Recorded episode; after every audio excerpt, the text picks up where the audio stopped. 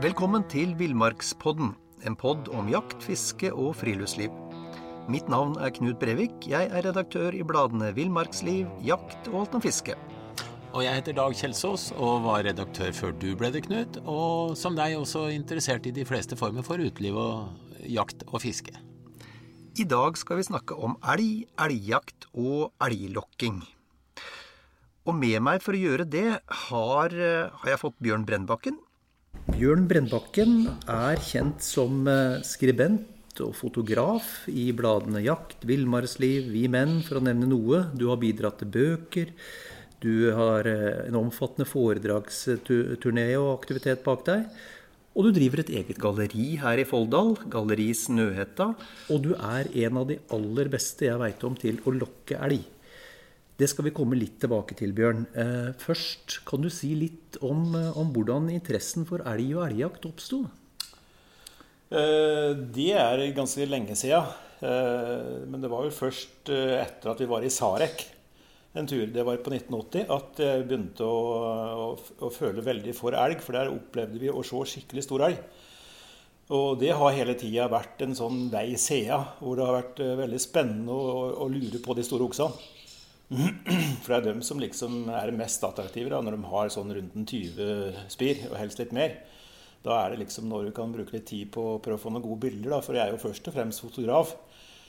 Eh, ikke så mye jegere, egentlig. Den har liksom kommet sånn etter hvert, da. Har den gjort, den, den jegerfølelsen. Og ikke minst etter vi var i Alaska, det var òg i 1980.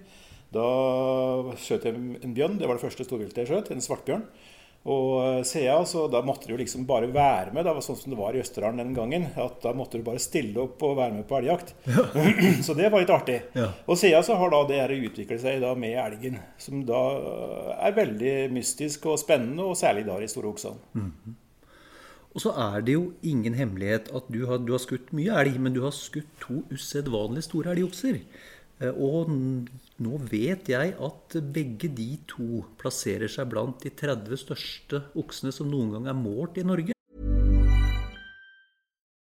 Nå får du bladet Villmarksliv rett hjem i postkassa i tre måneder for kun 99 kroner.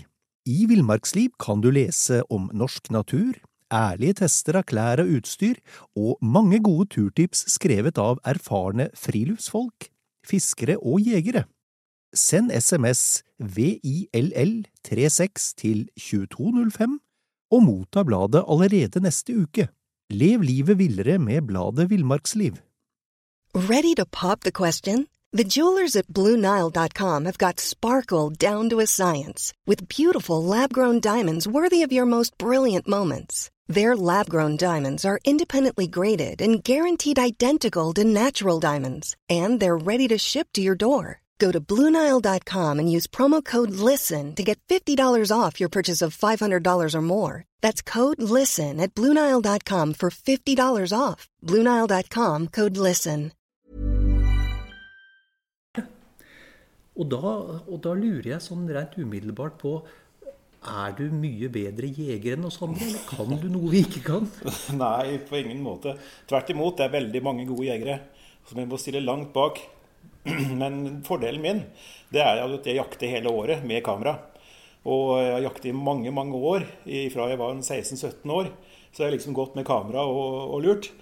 Og det er klart, Da tilegner du deg en del egenskaper. Du lærer naturen å kjenne. Og dette med å lokke ei, som jeg begynte med etter hvert, da, det, det, det, er jo det som har ført til at jeg har fått mange gode bilder.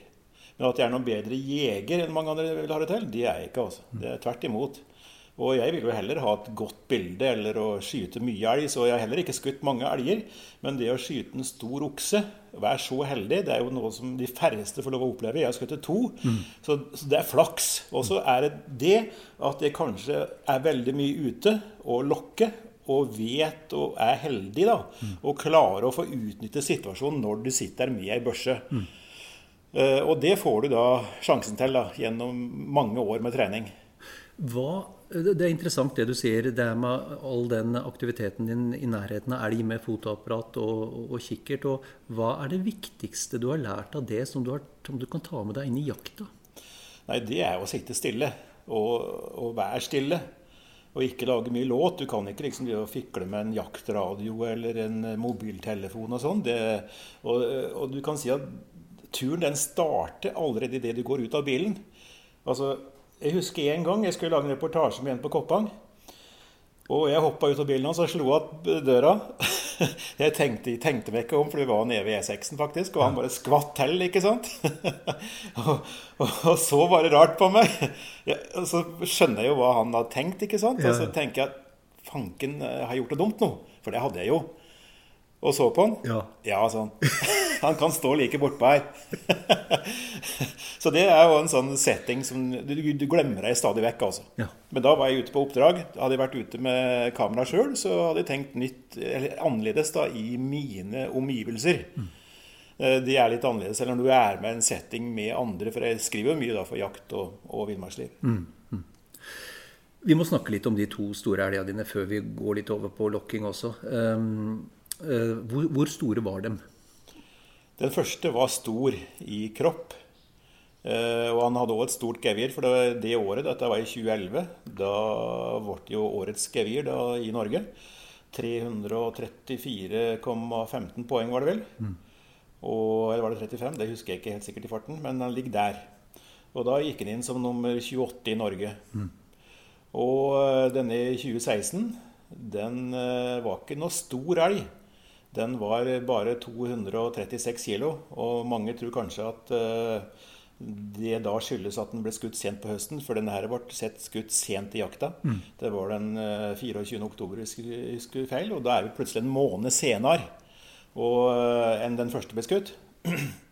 Og det er klart Den taper seg mye vekt, disse oksene. Men denne her, den var liten hele veien, for jeg førte denne oksen i fem år. Jeg var veldig heldig, for han holdt det da rundt gården her jeg bor. Mm. Han var nede på jordet her en gang, og jeg førte jo med han ifra han hadde 19 spir. Og kom til 22 neste år igjen. Året etterpå hadde han 25. Og året etter der hadde han gått ned til 20. Jeg tror han skulle gå opp jeg, fra 25 og kanskje få enda litt flere. Ja. Men da gikk han jaggu ned igjen.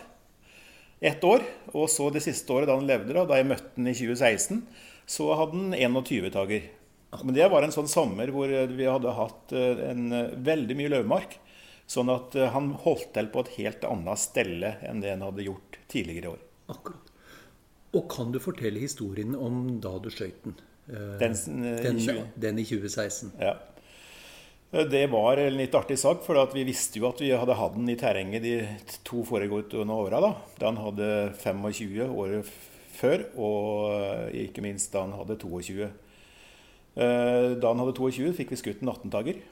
Så den var ikke dårlig elg, det heller. Og vi hadde jo da denne her som kom sprengende over et jorde, husker jeg, eh, og opp i skogen der vi jakta. Så eh, vi fikk jo sett inn, men vi var ikke heldige og fikk eh, noe drag på den der. Hjemme. Og så hadde vi skutt oksen før, da. Og så i 2016 så var det som sagt mye løvmark i, i, i, skogen. Og han hadde skifta beiteområde, så vi hadde i grunnen gitt opp for sjåen. Så siste helga, det var like før jakta var slutt, så var vi enige om at nå skyter vi en kalv. Og i og med at jeg skjøt denne store i 2011, den første store min, så tenkte jeg at de andre må jo få sjansen. Eh, så de har fått hvert de beste postene, egentlig. Jeg har bare tatt den som er verdt det til slutt. Og sånn var det denne gangen òg. Og det som skjedde, det var nok at vi fant jeg visste, Det ingen som visste om den store oksen at den da hadde kommet inn på terrenget vårt. Men den hadde da kurs mot, mot postrekka, som satt ja, vest for meg, da. Og nord. Og og eh, da fikk jeg bare høre at nå var det elg på tur. Og da slo jeg bare av sikringa, for da tenkte jeg at da kan fort skje noe her. Og det som skjedde, var at det plutselig sto ei ku rett foran meg i glenne. Og, eh, og, der sto hun lenge, og hun så mot postrekka, og så bare speeda opp noe vanvittig i full fart. Hva var avstand da, Bjørn? Til kua? Ja. Nei, det var ikke mer enn 60 meter. Nei. Og jeg sto og gløtte litt på kua, ikke sant? og hun sprang jo som bare det bortover myra der. Og så plutselig kom jo de to kalvene ut, bare sånn ja, 20-30 meter bak. Kanskje, hvis det var så langt. Og så gikk det en, noen meter, og så begynte denne kua å komme lenger ut på myra. Sånn, og så plutselig ser jeg i sidesynet at der kommer det noe mer. Og der dukker opp en diger tamp av en okse, syns jeg da, da han kom ut på myra. Men så begynte jeg å tenke på at dette her er pinadø den elgen som har vært her disse fem åra. Så da begynte jeg å lokke. Ah, ah, ah, ah, ah, ah. Kua reagerte ikke i det hele tatt, hun bare sprang akkurat like fort. Og jeg var gørheldig som satt ved den myra som da var veldig åpen og fikk langt drag på på, på dyret. Og så plutselig så jeg at det kom ei furu i veien, så jeg bare hoppa ut på myra i full fart. For hun hadde ikke reagert på rockelydene mine i det hele tatt. Men da jeg hoppa, så fikk jeg plutselig mer volum på lyden. Fikk en sånn, sånn beinhard. Jeg tok i alt jeg klarte, og så hoppa jeg samtidig. Og da bråstopper kua. Jeg vet ikke hva som fikk kua til å stoppe, men kalvene stopper jo, og oksen stopper jo sjølsagt, og glante. Jeg tror det var like mye bevegelsen da, som gjorde at hun stoppet. Men da fikk jeg jo et kjempetak på oksen, som da sto helt rolig bare på en 60 meter, kanskje, hvis det var så langt. Med breisida til? Med breisida til. Så det kunne ikke bære vørte. For å si det sånn, da. Så det var rett og slett flaks. Men da kommer vi inn på det her med å være mye ute og tørre å gjøre sånne ting. Andre ville kanskje ha prøvd seg på en løpende elgsituasjon, eller så hadde de ikke skutt i det hele tatt. Og det er jo det beste i en sånn setting. Når det dyret springer, så skal du helst ikke skyte. Altså I hvert fall ikke så fort som disse kom. Nei. Så for min sjanse så var det det å stoppe. Og jeg har jo trent mye på å ta gjennom mange år mm. for å få elgen til å stoppe, så du får et bilde. Mm. Så det å grynte skikkelig, det er liksom å, å være heldig og få elgen til å stoppe. Og da ble det Du skjøt med lang arm? Jeg skjøt med lang arm, ja. Det gikk veldig fort, så jeg rakk ikke noe mer enn bare å hoppe ut på myra og lande i knestående, kanskje. Så jeg husker jeg skjøt med lang arm. Akkurat. Ja. Og hvordan reagerte elgen, og hvor langt gikk den? Eh, det var litt pussig. Det gikk jo så fort alt sammen, og du henger ikke helt med i skallen i sånne settinger bestandig. Så det smalt, og så bare kastet den seg over og ble borte over en sånn bringe, som brenk da på bare 20 meter, tenker jeg bortafor den. Så ble den borte over den, så jeg visste jo ingenting hva som hadde skjedd. Og da hadde den ikke vist noe annet skuddtegn. Eller hvis jeg hadde tenkt meg om, da, så er jo det et typisk skuddtegn på en elg, at den har fått en skikkelig treff når den kaster seg rundt på det viset. Mm. Så da var det bare på radioen å gi melding da, på at uh, den da hadde forsvunnet over en bakkekam. Og så måtte vi jo ta det der som et ettersøk. da. Mm. Mm. Så like etter så fant jo da en Roar da, uh, med svarthunden sin den elgen. Jeg veit du har fått spørsmålet mange ganger før, Bjørn, men jeg er nødt til å stille det. Når du er så lidenskapelig opptatt av elg, syns du det er tungt å skyte en så stor og fin elgokse? Det er jakt, og da tenker du egentlig ikke så veldig mye over det. Men det er litt rart, ja, det er det. Og særlig når du da, sånn som denne, som jeg hadde kjent i fem år, så får du et sånt eh, forhold til den. Altså, jeg fant jo gevira til den det første året. Da hadde den 19 spir. Så, og det var en liten elg. Så jeg, jeg, visste jo ikke at den skulle bli så stor. Men det er ikke noe tvil om at dette her er samme elgen. Altså. Da hadde den 19 første året. Så kom den året etterpå med 22. Da brakk den for øvrig i fjøla like før jul, så den er i fønne, faktisk. Den ene fjøla som da hadde brøtt, brøtt av. Og så kom den med 25 spir. Så kom den ned igjen til 20. Jeg hadde jo trodd den skulle gå oppover da, når den hadde først fått 25, for han så så veldig fin ut i taggspissene. Mm. Så jeg tenkte at nå vil den gå opp. Men da gikk den ned til 20 og var litt ujevn. og hadde 11 pluss 9. Og så året etter det var jo da jeg møtte den med da 21 tagger. Så hadde den gått én tagg opp igjen. Det vil si det er liksom 22, men den ene den er for liten til å bli regnet som en tagg. Akkurat. akkurat. Og hvor lange skal de være for å bli regna som en tagg? Da er den 1,3 cm lang, og den må ikke være bredere eller den er lang. Akkurat. 1,3 cm. For du bedømmer også gevir, du, Bjørn? Nei, bare for moro. Bare for moro, Når jeg får noen til å gjøre det, så må du liksom inn på disse her som driver for Norges jeger- og fiskerforbund. Nettopp. Så det er en Jens H. Engan som har målt mange av de elgene, eller gevira, som jeg har, eh, har, skutt, og andre i nærheten her, da, for å gi meg at han er fra Tynset. Ja, ja. Eh, Bjørn, vi må snakke litt om elg og elgforvaltning også. Eh, og hvorfor er det etter din oppfatning så vidt mye stor elg i Folldalen og Dovre? For, for, dere har jo hatt veldig mye store elgokser her de siste åra.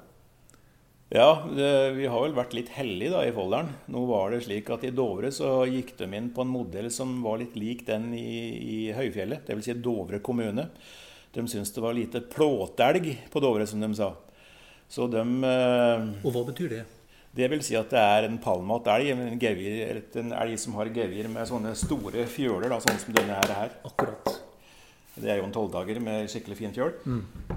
Og, eh, og, da tok de og gjorde om den modellen de hadde fra liksom en fri okse. De delte vel ut eh, en fri okse omtrent til alle jaktlag. Og eh, så delte de den kvota i to, og så satte de i grense på, på, på seks, seks tagger. De til sammen. Hvis den hadde mer enn seks dager, så ble det en stor okse. Så da risikerte du å få en bot da, for dem som ikke fikk tildelt stor okse. De som da bare fikk tildelt en med seks tagger, de, de kunne ikke skyte en som hadde mer enn det. Og, og, da er det klart at da er det flere store som får sjansen til å bli store. Mm. Så den modellen tok vi her i Folldalen i mener det var i 2008. Og etter det så har jo gevira bare nærmest blitt større og større. Bare nå siste året så hadde jeg hatt kontakt Da må jeg ta med både Dovre og Folldalen. da. Mm. Men da hadde jeg kontakt med faktisk eh, nærmere 20 elger som hadde mer enn 18 tagger. Mer enn 18 tagger, og skikkelig fjøler.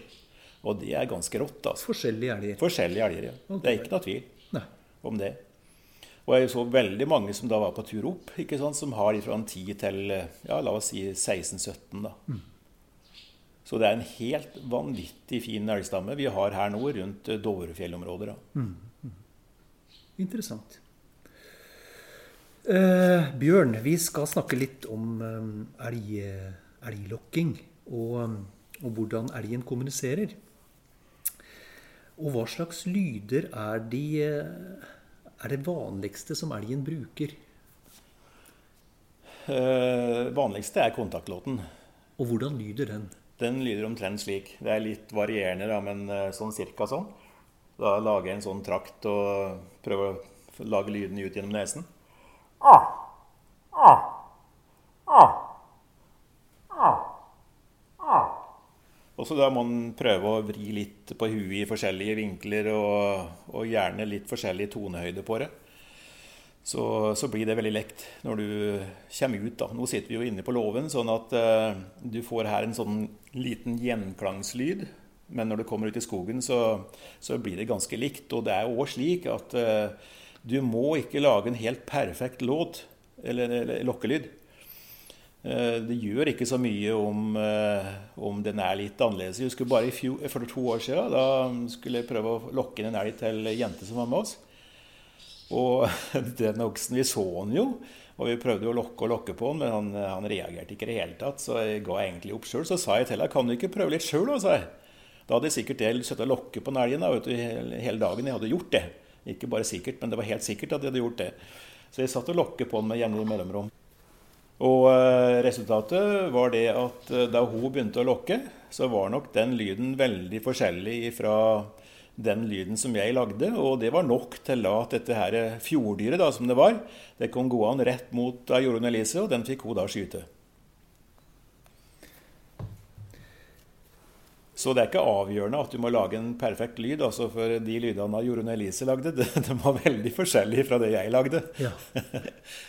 Bjørn, vi må snakke litt om eh, elg og elglokking. Og, og, hva slags lyder er det, er det vanligste elgen bruker? Hvilke, hvilke elglyder er det vanligste? Det vanligste det er eh, den eh, lokkebiten med den kontaktlåten, som jeg sier. Og så har du jo da de brunstleita som kua lager. Og det er jo en lyd som jeg bruker veldig mye. Men det er noe med at når du bruker den lyden når det er brunsttid, så er det som regel slik at da står oksene rundt kua. Så de oksene du da klarer å lokke inn hvis kua er i brunst, det er ofte de små oksene som da ikke får komme bort til de store kyrne. Så de kan komme og sprenge an og kikke på deg når du drar ned lyden her.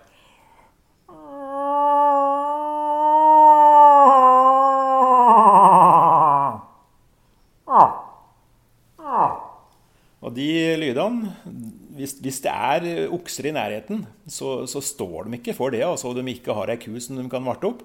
Da kommer de på direkten. Du verden. Og de vanlige kontaktene Jeg legger merke til at du bruker ikke noe, bruker ikke noe annet enn hendene dine, Bjørn. Du, du, du, dekker over nesa med to fingre og former hendene som en trakt. Eh, og hvordan blir, hvordan blir kontaktlyden da, når du jeg syns at det er en bedre lyd eller om du bruker en sånn lur, da, som mange bruker. Og det er fint med lur, altså, for du får veldig volum på lyden. Men jeg mener at eh, hvis du har muligheten, så litt på terrenget. Eh, og gjerne hvor det er litt berg. For hvis du har berg, så får du et vanvittig ekko. Og da går lyden vanvittig langt. Kan du, kan du bare La oss få høre noe vanlig kontaktlyd, Bjørn. Ah. Ah. Ah. Ah. Det er en vanlig kontaktlyd. Ja. Og når Når, når, du går ut for å lokke, enten det er for å ta bilder eller under jakta, når på døgnet er det mest effektivt å, å lokke? Nei, det er i skumring. Det, jaktmessig så gjør jeg det eh, tidlig morgen og, og sene kvelder. Eh, men bildemessig så er det jo smart å ha litt lys, og da må du ut litt før. Mm. Og da er det verre, altså. Det har jeg sett mange ganger. Men så er det det her, om du er før eller etter brunsten, Eh, litt før og litt etter brunsten så er det ofte slik at da kan du klare å lokke inn en, skikkelig okse. Men de kommer ikke altså i selve brunsten. Det skal veldig mye til. Det vil si, da jeg skjøt min første, det var jo da i, i brunsten. Det var den andre jaktdagen, den 26.9. Og da var det jo full brunst. Det lukter brunst rundt oss på alle kanter i gropene. Og da er det klart at da klarer du ikke å lokke inn ei ku. Men det var en litt annen setting, da, for å komme inn på den. Eh, da sto jeg på post, og så plutselig så hørte jeg gutta si at de hadde tatt ut elg borti der. Og så gikk det i tid, og de kom gående mot meg, og det kom ingen elg. Så den hadde jo da lurt dem. Og så står jeg bare når de passerte, fordi at posten gikk veldig på skrå, så de gikk nedover. Og så gikk det kanskje fem minutter, og så hørte jeg en sånn skikkelig dunk overfor meg, som lyder omtrent sånn. Ja, den var litt dårlig, da. Jo mer sånn Sånn som det her, kanskje. Men det var et gevir. Det var det ingen tvil om. Det var en sånn hul låt som, eh, som, eh, som da, Det var ikke noe tvil. Med en gang jeg hørte den lyden, så, så var det liksom du, du, du, Jeg skjønte at det var en skikkelig storing. Så jeg begynte jo å lokke på den, men ikke snakk om. Det var helt stille.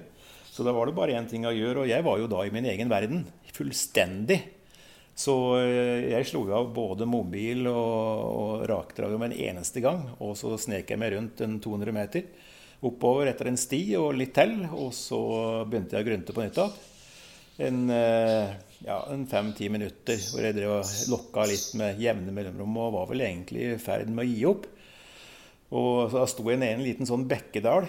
Og mens jeg står der, så plutselig kommer det springende en enorm okse rett imot meg, bare på en 60-70 meter. Så jeg sto da over den bakkekammen da, og, og kikka på den. Han så ikke hele meg, for jeg sto gjemt, så han så bare huet på meg. Og jeg klarte jeg kunne ha prøvd den der og da òg, bare når den ikke altså var mer 60-70 meter. Men da måtte jeg stått på tann. Mm. Og, og, det er jo ingen god setting. Så eh, jeg bare sto og så på den. Og så plutselig begynte den å lunte ifra meg bortover. Og da fikk jeg anledning til å løpe litt etter den, og jeg hadde veldig fin vind. Og jeg sier løpe, for det gjorde jeg, for han løp, han var. Han løp ikke, men han, han trava litt fort. Og jeg for etter det jeg klarte, så fort jeg klarte, og stille. Og så grønte jeg hele veien. Hele veien sprang jeg etter den grønten.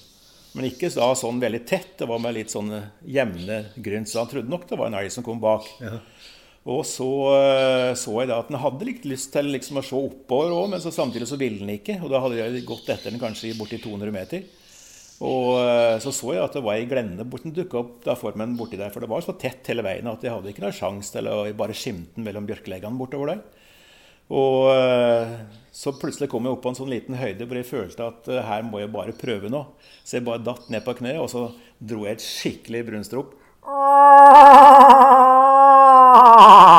Det var noe à la det her, for disse låtene de blir jo aldri helt like. Og da vinkla han plutselig rett opp.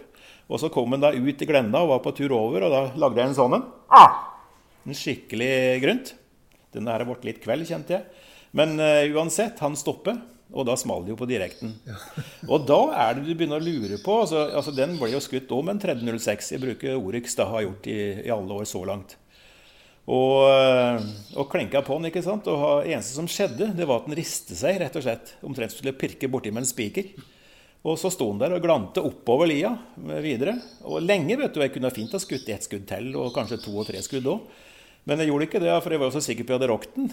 Men jeg kunne ikke skjønne at jeg fikk en så slapp reaksjon, bare. Han eh, sto der han og kikket oppover og så øra gikk på. Det var ikke snakk om å legge øra eller noen ting. Og så snur han seg rundt og begynner å kikke utover dalen. Og så står han og kikker utover og tenker nei, nå må jeg bare fyre på en til. Og det gjorde jeg. Akkurat samme reaksjon. Det var så rart. Han sto bare og kikket utover lia, og han rista seg litt først, da, akkurat som på første skuddet. Så sto han og så tenkte skal jeg virkelig skyte et tredje skudd? Men så tenkte jeg at nei, fanken har jeg ikke rokt med de to her. Skikkelig dødelig. Da er det bare å legge opp. Og plutselig så bare snudde han ræva til. Og så lunta han bortover omtrent som jeg ikke skulle ha skutt på den i det hele tatt. Jeg bare kjente hjertekoken tok i vei noe veldig. For dette her tok lang tid, altså. Mm. Veldig lang tid. Du kan ikke tro det, men oppi der så Ja, det var, det var skikkelig lenge. Uten at jeg kan tidfeste det på noe vis.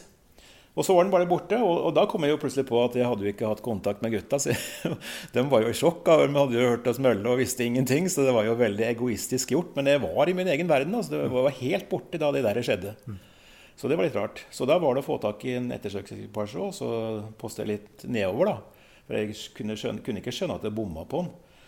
Og så gikk det kanskje bare en 70 meter, og der lå den. Akkurat. Så det var en veldig god følelse, da. Ja. Og hvor stor var den? Du, Den veide 340 kg. Så det er, den er den tyngste som er skutt i området her. Og, og den hadde, en, hadde, akkurat 20 spir. Akkurat. 9 pluss 11. Så den var veldig ujevn. Det var ikke noe sånn superflott gevir, men, men, det var en diger elg. Altså. Det var en sånn bøffeltype som du virkelig husker at du har vært borti. Så det er den som liksom sitter igjen som det store minnet fra elgjakta, altså fra de toene. Ja. For den andre den veide jo bare 236 kilo, så det var jo en mye lettere elg. Mm, mm. Hva slags vær er det beste og verste for lokking, Bjørn? Eh, det verste, det er vind. Ellers eh, så er det slik at eh, det bør være stille. Helt stille. Er det vind, så opplever jeg det at, at elgene har veldig lett for å gå rundt meg, ta været, og så blir de borte.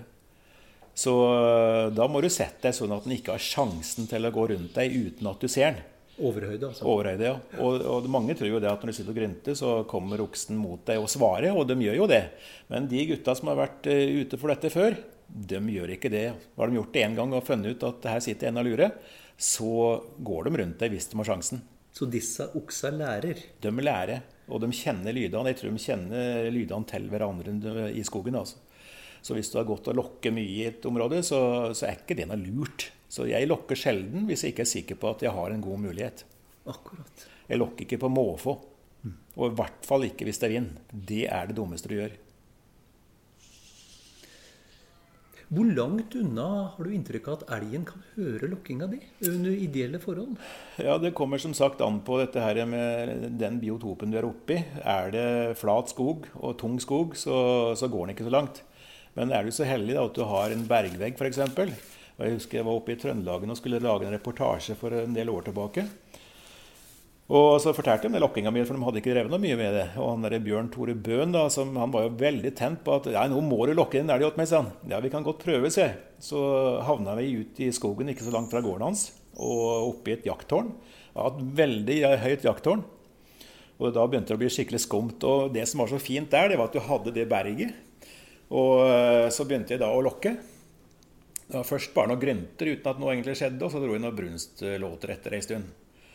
Og så plutselig, etter ja, kanskje en eh, fem-sju minutter, så hørte vi noe svak lokking i det fjerne som kom nærmere og nærmere og nærmere. og nærmere, Men det tok utrolig lang tid, så at den elgen må ha stått en to kilometer unna, minst. Det er jeg helt sikker på.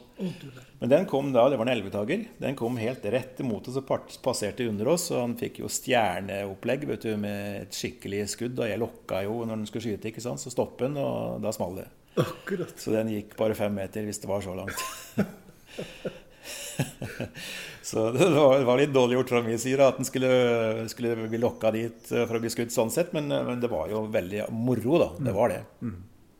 Husker du første gang du brukte lokking under jakt? Ja, det husker jeg veldig godt. Jeg var ute og trente bikkja mi. Da hadde jeg en eh, gråhund eh, som jeg hadde tenkt å, å, bli god til å spore, da, men jeg fant ikke noe elg. Eh, så skulle vi ta en pause, så jeg fyrte bål og greier. Og så kom vi, var ferdig med det, da, så gikk vi litt lenger nedover langs en myr der. Og så plutselig fikk jeg se det sto en elg kanskje ja, 700-800 meter unna. Så da dro jeg noe grønt pluss brunstropet. Og så da spratt elgen opp. og så Først så kom den gående myra, men så skjen den inn i skogen. Og så kom gående skogen oppover. Og dette var jo før jakta. Det var på august, faktisk. Så det var jo bare for moro skyld jeg hadde dratt den låten. Og, eh, og da kom den gående hele veien og hadde tenkt seg over myra, da, men der satt jo vi helt åpent. ikke sant? Og bikkja var jo stille. Men uh, han skjønte det at det var et eller annet. Han hørte jo kameraklikka mine, ikke sant? Og, og, da var det slutt. Da snudde han og gikk innover igjen i skogen. Men første gangen jeg liksom, uh, som jeg erindrer, da, som liksom jeg begynte å tenke på med lokking, det var jo dette her med at de var til Sarek i 1980, og da kjørte jeg forbi en sånn sportsbutikk hvor det sto utstilt et enormt elggevir i vinduet. Så jeg måtte jo inn, og så var han der, den gubben som hadde skutt den elgen. vet du, Han målte jo jeg tror det var borti 380 poeng, den elgen.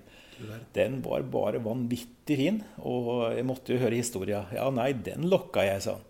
Så det var liksom det som tente meg da, Akkurat. på å begynne med lokking. For det har sin, eh, sin, funksjon i en eh, setting hvor du skal jakte okse, i alle fall. Det er helt sikkert. Mm.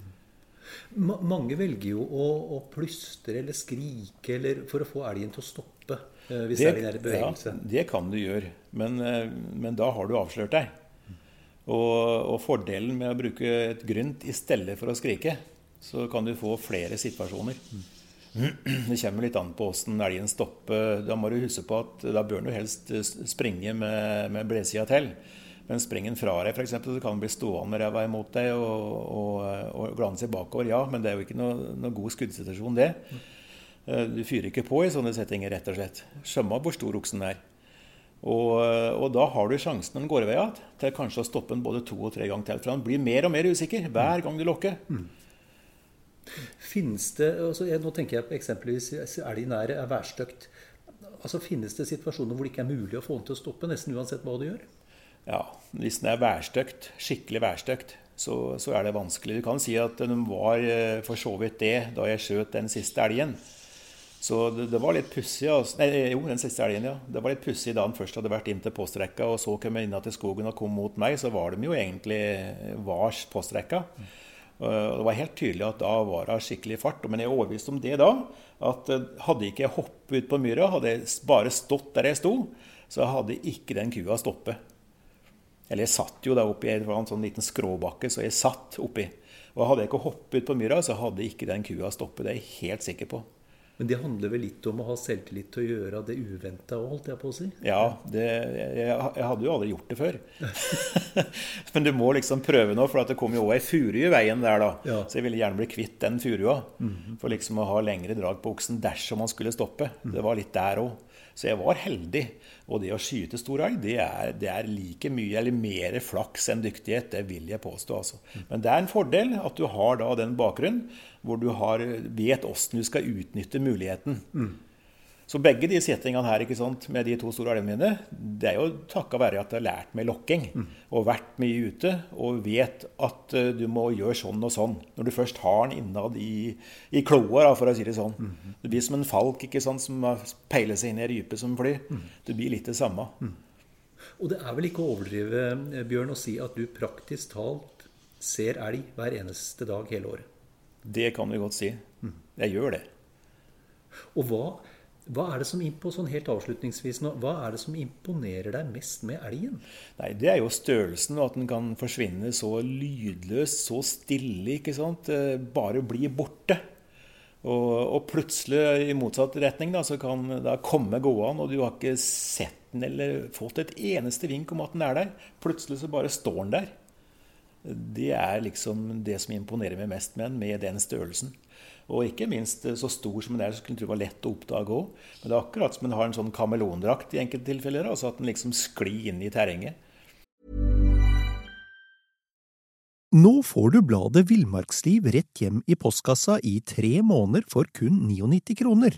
I Villmarksliv kan du lese om norsk natur, ærlige tester av klær og utstyr, og mange gode turtips skrevet av erfarne friluftsfolk, fiskere og jegere.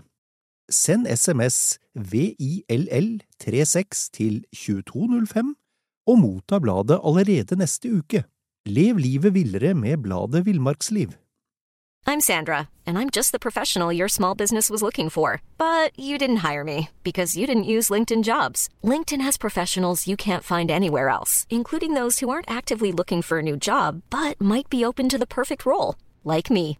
In a given month, over 70% of LinkedIn users don't visit other leading job sites. So if you're not looking on LinkedIn, you'll miss out on great candidates like Sandra. Start hiring professionals like a professional. Post your free job on linkedin.com/people today. Så den er veldig godt uh, bygd for Norges natur, det er den. Og det må jeg si, med en brøkdel av din erfaring i forhold til lokke, så det har jeg også opplevd. Stor okse som har kommet i rasende fart. Eh, kommet tett innpå meg.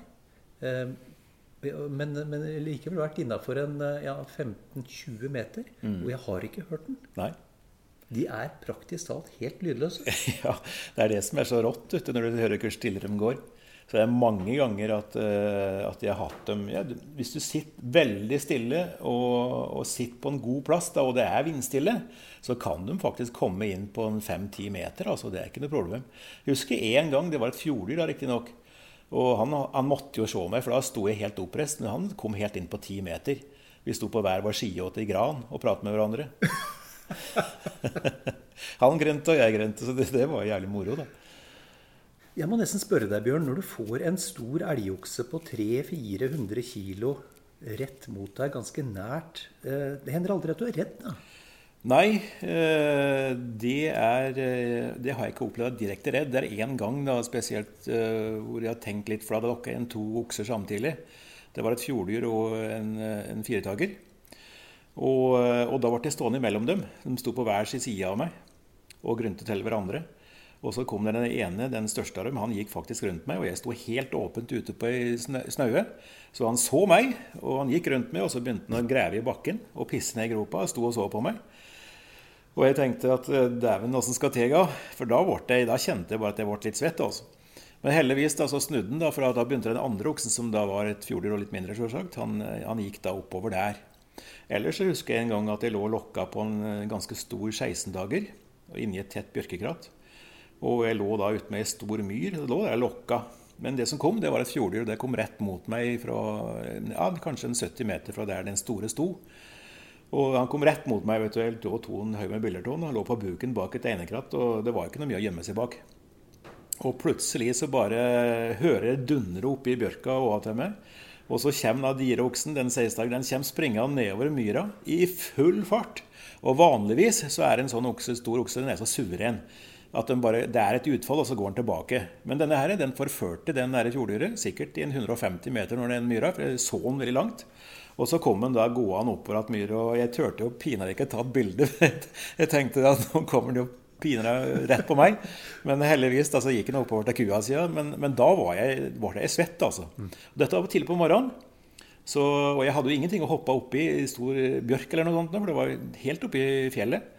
Og, eh, og, da tenkte jeg det at eh, jeg får prøve å lokke den med meg litt nedover i lia på kvelden. Altså jeg tok med ro hele dagen. Og så begynte jeg å lokke igjen utpå ettermiddagen. Eh, da med sikker, sikkert opplegg, da, for å si det sånn. jeg så meg ut i svær bjørk. og så begynte jeg å lokke, og han kom på 30 meter. Så jeg fikk flere fine bilder. Men da ble han så skeptisk på kammerklikka at da snudde han og gikk. Akkurat. Så de er vel eh, de gangene jeg har følt at jeg har vært litt sånn redd. Men jeg hadde òg en setting da jeg var, var vel 18, tenker jeg. 18 år. Da eh, snek jeg meg innpå ei ku som hadde en kalv i et veldig tett kratt. Og jeg kom innpå på 15 meter, og den gangen så gikk jeg jæklig stille, vet du. Hun hørte nok, eh, hørte nok at det var et eller annet. Og, og, det som skjedde, det kom et jævla brøl fra kua. Og jeg bare kjente at uh, håra reiste seg hele veien vet du, oppover. Fra bunnen til toppen. Og hjertet tok jo vei, så, så, så, det var liksom ikke måte på.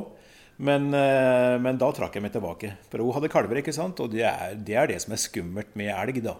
Ku med kalver det skal du styre unna. Mm. Nært, ja. Du bør helst ikke komme, og særlig ikke da. Dette var på mai, så den var sikkert helt nyfødt. Mm. Men Jeg tenkte ikke de baner den gangen. Men du lærer jo du lærer jo av alle settinger du gjør. Enten det går bra eller dårlig. Du vet hva som funker, rett og slett, når du er mye ute. Men det har bedra seg da med, med, sånne ting, og ikke minst å klare å beherske hjertet i den type settinger òg. Mm, mm. Men det, jeg har jo hørt opp gjennom åra et par situasjoner hvor folk har blitt jagd opp i trær ja.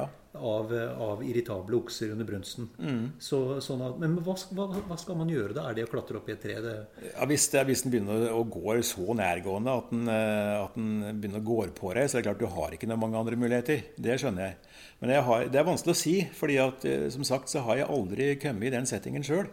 Jeg er forberedt på at det kan skje en dag med den lokkinga. Jeg har hatt utfall mot meg da, når det har vært mørkt. Og da er jeg til pallinga fort. altså. Mm. Da var det mørkt. Det var 16-17-dager som kom. Men, eh, og det var ikke sjans for noen bilder. Det egentlig var så mørkt. Dette er flere år siden. Det var før den digitale verden. Mm. Så, så da var det ikke annet å ta bena fatt og, og ta i veien. Men han stoppa med en gang. Så eh, du skal vite litt hva du driver med. Eh, Det er helt klart. Hvis du skal gi ett råd nå i forkant av elgjakta Nå starter jo elgjakta om ikke lenge. Hvis du skal gi ett råd til norske jegere før elgjakta, hva vil det være? Ja, du må være stille, ikke prate så mye i den jævla radioen. Vi er så veldig opptatt av å servere alt mulig rart. Og disse som sitter på post, må heller ikke bli sure om de ikke hører noe fra den som er ute med bikkja. Fordi at eh, jo mer vi prater, vi kan tro at, uh, tro at, uh, at elgen hører ikke oss. Og, og det er en eventyrlig forskjell på hvisking og det å prate. Og elgen han hører deg prate på flere hundre meter, altså. Så du må holde kjeft. Helst bare sende SMS-er hvis en skal gjøre noe eller ha noe kommunikasjon. Det er det beste. Og jeg vet jo av jegere som, som faktisk går og jakter sammen, men som ikke prater i hele tatt. Men de har med seg penn og blyant og et ark og skriver på det. Og sender, skriver på det måten, sånn at ikke elgen skal skjønne at, at, at, at, det er folk i terrenget. Da. Og det er jævlig viktig. altså. Helt til slutt må jeg spørre deg, har du blinka deg ut noen fine elger i år? Ja, det har jeg gjort. Jeg har det, men jeg har dessverre ikke jakt der. Det er det andre som har. og det er kanskje bra jeg ikke er med der, da. Men det, jeg har jo tenkt å være med en del ut og lage reportasjer, da. Du har kamera, Bjørn? Jeg har kamera, så det kommer til å bli jævlig mange gode reportasjer, Knut. Skal jeg love deg. Tusen takk for praten. Den er god. Hei. Kort og godt vedlikehold av fiskeutstyr. Dag, nå er fiskesesongen på hell. Hva skal jeg gjøre for å vedlikeholde fiskeutstyret mitt? Nå vet ikke jeg akkurat hva du har gjort av fisking i sommer, men jeg veit for min egen del at jeg skal vaske og rengjøre temmelig mye utstyr som jeg har brukt i saltvann. Mm. For saltvann er ikke bra for sneller. Her går det tregt, for her har det kommet, kommet, salt som har satt seg inn i systemet, og kanskje i verste fall rusta. Mm. Så, så vi, vi, vasker og bruker gjerne en børste og rengjør sneller. Vi bør også olje. Det fins Hvor oljer du? Ja, altså det, det, kommer litt an på typen snelle. Men bevegelige deler, ja. kort fortalt, med kullelager osv., skal oljes. Mm. Eller, eller fettes inn. Ja. Det står gjerne litt i bruksanvisningen på kvalitetsutstyr hvor du skal olje. Ja. Eller så kan du snakke med, med, de som har solgt deg. Er det noen spesiell type olje man skal bruke? Ja, det fins faktisk spesielle oljer for fiskesneller. Ja. Men tynn olje der det skal være tynn olje, og fett der det skal være fett. Ja. Ok, det var snella. Eh, stang. Stenger. Ja, sjekk at ingen av ringene er gått i stykker ved at en del inni ringene har falt ut. Se på surringer. Lakk over hvis det har løsna litt. Bruk lim og lakk der det trengs, kort og godt. Det, det, må ikke se veldig vakkert ut etterpå. Det viktige er at det holder. Sånn tenker jeg i hvert fall. Ja. Og når det kommer til sluk og spinnerskrin og, og der har du det med saltvann. Det tar hardt på krokene. Jeg pleier å, å, bytte ut en del kroker. Sjekke at ringer og kroker er intakt. Skjerpe kroker som har vært i stein. I det hele tatt, sjekke etter at det er klart for neste år. For når du skal på fisketur til våren, så er det ikke sikkert du har tid til å ta den servicen du burde ta i den litt roligere tiden. Nei, og det å, det å sitte og pusle med, med, med sluker og spinnere og sjekke, sjekke, kroker, er jo kosejobb da i den årstida her. Ja, ja, ja, vi gjør det hele året, vi som syns det er gøy. Men i alle fall burde gjøre det et par ganger før sesongen, og helst rett etter at du er ferdig for den sesongen som har gått. Ja. Og så tenkte jeg sånn til slutt vadere. Ja, det er med gummistøvler og med andre ting. Det kan gå høl. Du kan måtte lappe, kanskje. Eller i alle fall tørke, sånn at det ikke ligger fuktig. For da, det er drepen for sånt utstyr. Akkurat. Og, og, og lapping og um, lappesaker. Ja, du, du, kan bruke nesten de samme lappesakene som du bruker til sykkelen, men det fins i dag veldig mye forskjellige bra midler til å tette sprekker og, og lappe så, som du får kjøpt i, i, butikkene. Ja, For det er ikke noe grunn til å kaste noe vadere selv om det skulle gå ei lita flenge igjen? Det er noen som syns det er flaut å gå med en lapp på vaderen, men jeg pleier å lappe helt til det ikke er mer igjen av den. da skal jeg hjem og vedlikeholde fiskeutstyr. Nå får du bladet Villmarksliv rett hjem i postkassa i tre måneder for kun 99 kroner. I Villmarksliv kan du lese om norsk natur, ærlige tester av klær og utstyr, og mange gode turtips skrevet av erfarne friluftsfolk, fiskere og jegere. Send SMS VILL36 til 2205 og motta bladet allerede neste uke. Lev livet villere med bladet Villmarksliv. Hi, I'm Daniel, founder of Pretty Litter. Did you know cats tend to hide symptoms of sickness and pain? I learned this the hard way after losing my cat, Gingy. So I created Pretty Litter, a health monitoring litter that helps detect early signs of illness by changing colors, saving you money and potentially your cat's life. Pretty Litter is veterinarian developed, and it's the easiest way to keep tabs on your fur baby's health right at home. Go to prettylitter.com and use code ACAST for 20% off your first order and a free cat toy. Terms and conditions apply. See site for details.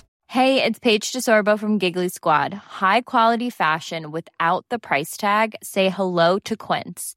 I'm snagging high end essentials like cozy cashmere sweaters, sleek leather jackets, fine jewelry, and so much more. With Quince being 50 to 80% less than similar brands and they partner with factories that prioritize safe ethical and responsible manufacturing i love that luxury quality within reach. Go to quince.com slash style to get free shipping and 365 day returns on your next order.